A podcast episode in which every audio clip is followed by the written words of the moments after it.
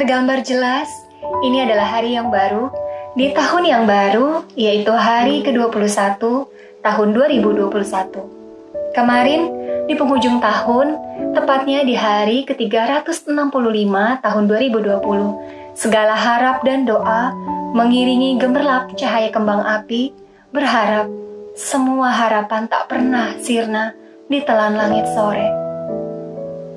Sekarang, semua pesta sudah berakhir, dan tengoklah apa yang sudah terjadi pada bumi pertiwi ini. Dan inilah dia, pesan dari hari ke-21. Masih jelas dalam rangkaian cerita betapa indahnya perjalanan mengudara bersama hembusan angin dan indahnya cakrawala dari atas sang bumi pertiwi. Dibawa oleh maskapai megah dan keceriaan barisan para penumpang. Namun, cerita itu tak berlanjut dan berhenti di tanggal 9 Januari 2021, tepat di hari ke-9 di tahun yang baru. Peristiwa jatuhnya pesawat di Kepulauan Seribu membawa duka dan luka bagi sana keluarga dan doa teriring yang terus mencari entah kapan berakhir sebuah penantian untuk bersatu bersama mereka yang ditunggu. Apakah semua telah selesai? Belum. Di hari yang sama, ada tanah yang bergetar dan jatuh, seolah ingin menunjukkan bahwa tanah yang diam belum tentu tidak bisa memberontak. Di manakah dia? Dia ada di Sumedang, Jawa Barat. Merenggut nyawa dan isak tangis, mereka yang tak pernah mengerti mimpi ataukah nyata yang mereka alami. Apakah ini terjadi dalam malam yang sama?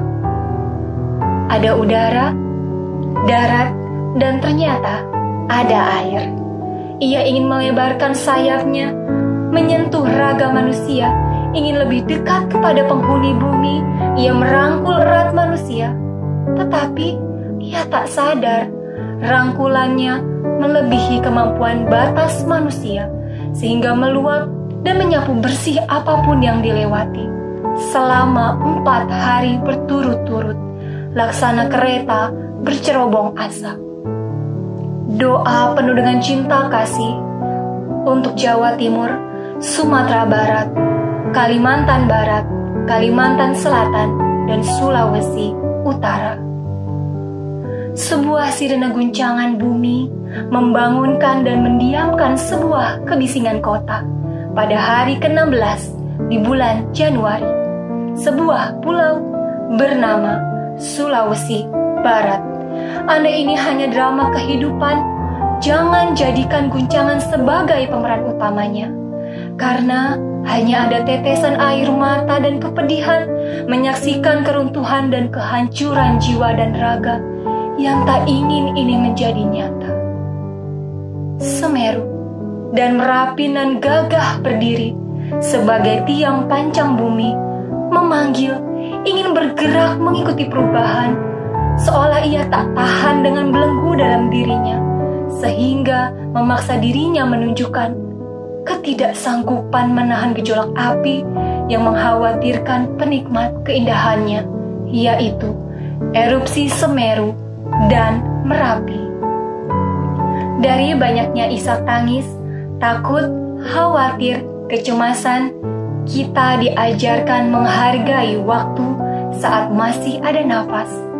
Nafas yang mengajarkan kita kelembutan, keheningan, dan kedamaian ternyata sangat berharga saat nafas di penghujung jalan. Segala bentuk kesenangan duniawi seolah tak memberikan janji kebahagiaan untuk selanjutnya. Namun, kebahagiaan atas kedamaian dari sebuah ajaran membuat kita yakin apa yang kita tanam akan kita petik sesuai waktunya berbuah. Seperti dari setumpuk bunga dapat dibuat banyak karangan bunga, demikian pula hendaknya banyak kebajikan dapat dilakukan oleh manusia di dunia ini. Dhammapada bab 4 ayat 53. Kami dari Yayasan Pubakari dan Cetia Dhammadayada turut berduka cita atas bencana alam yang terjadi di Indonesia.